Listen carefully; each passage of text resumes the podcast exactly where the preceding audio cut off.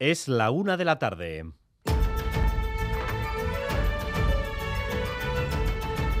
Crónica de Euskadi con Dani Álvarez. A Rachaldeón, el Partido Socialista de Euskadi sale contra Barrio Nuevo tras sus declaraciones justificando el terrorismo de Estado. Son unas declaraciones inaceptables que pretenden justificar hechos muy graves, repugnantes, que van contra la democracia y contra el Estado de Derecho. Son palabras reprochables porque duelen a las víctimas. La manera de, presumir eh, me parece absolutamente tremendo escucharlo, me ha parecido eh, da escalofríos. No se puede hacer apología de la violencia en un medio de comunicación por parte del señor Barrio Nuevo. El secretario general del PSN, Cuandueza, ha sido claro con respecto a esas declaraciones del mismo modo que lo hacía también la diputada guipuzcoana de Transportes Rafaela Romero a primera hora aquí en Radio Euskadi, en Boulevard. Por tanto, el consenso en la condena o el rechazo a estas declaraciones en nuestro país es total. Bueno, total, total no, porque hemos tenido una pirueta con tirabuzón en el Parlamento de Navarra. Allí ha sido imposible consensuar una declaración de condena porque Euskal Herria Bildu ha preferido la palabra rechazo. No se ha consensuado el texto, pero sí se puede decir que el conjunto de los grupos eh, rechazan las declaraciones de Barrio Nuevo.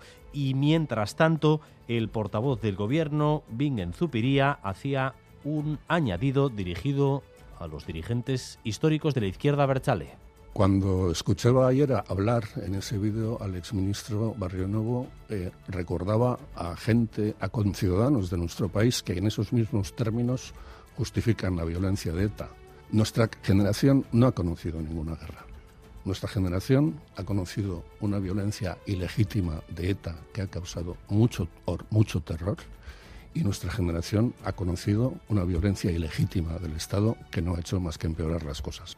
Las palabras de Barrio Nuevo han tenido menos eco en Madrid, donde la ejecutiva del PSOE de momento no ha dicho nada, aunque el ministro de Interior, Grande Marlasca, acaba de referirse en términos contundentes al exministro Madrid Nerea Sarriegui. Sí, primera reacción hace escasos minutos del ministro del Interior, Grande Marlasca. Las declaraciones de Barrio Nuevo son, dice, de máxima gravedad, porque las del GAL, ha subrayado, fueron actuaciones terroristas. Sobre todo, ha dicho, cuando ha quedado claro que el único medio que hizo posible la derrota de ETA fue el Estado de Derecho. Hasta ahora está a punto de comenzar aquí en Ferraz la rueda de prensa de la portavoz del PSOE, Pilar Alegría. El otro punto de atención ahora mismo lo tenemos en Santander. En sus juzgados va a declarar la acusada de asesinar y decapitar a Jesús Mari Baranda. Ella se declara inocente desde el principio del caso. La defensa ha asegurado que no sabe ni cuándo, ni cómo, ni dónde murió el bilbaíno porque no hay cuerpo así que piden la libre absolución. Pero Fiscalía y acusación, que piden condena por asesinato, mantienen que la mujer planeó el crimen de su pareja durante cuatro meses,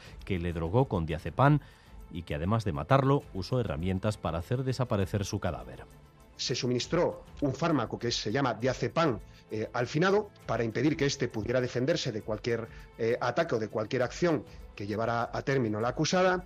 Creemos que ha habido un ensañamiento porque no solo se le ha procurado la muerte, sino que hay un ensañamiento con el cuerpo de, Jesús Mari por eh, las herramientas y los instrumentos que se han utilizado para ello.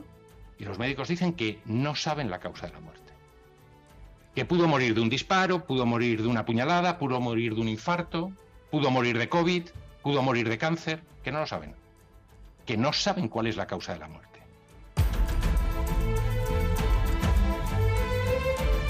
Además, parte del sector del transporte en España volverá a la huelga el próximo domingo. La campaña de Navidad en riesgo. Irache Ruiz. Los autónomos que transportan mercancías por carretera ya pararon en marzo 20 días y provocaron problemas de suministro en la mayoría de las comunidades autónomas. Las asambleas provinciales han acordado volver a hacerlo.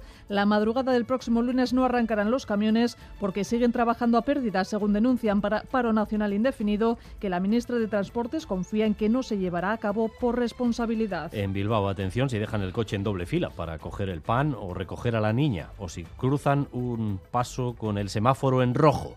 La Policía Municipal, que sigue con sus movilizaciones contra los nuevos horarios de trabajo que les obligan a trabajar más en fines de semana y horarios nocturnos, van a multar todo, nada de avisos.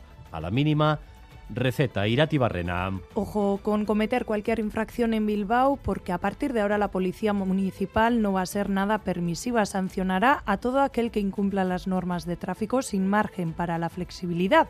De esta manera quieren mostrar su desacuerdo con el nuevo calendario que les quiere implantar el ayuntamiento. Calendario que establece más turnos de trabajo durante las noches del jueves a sábado.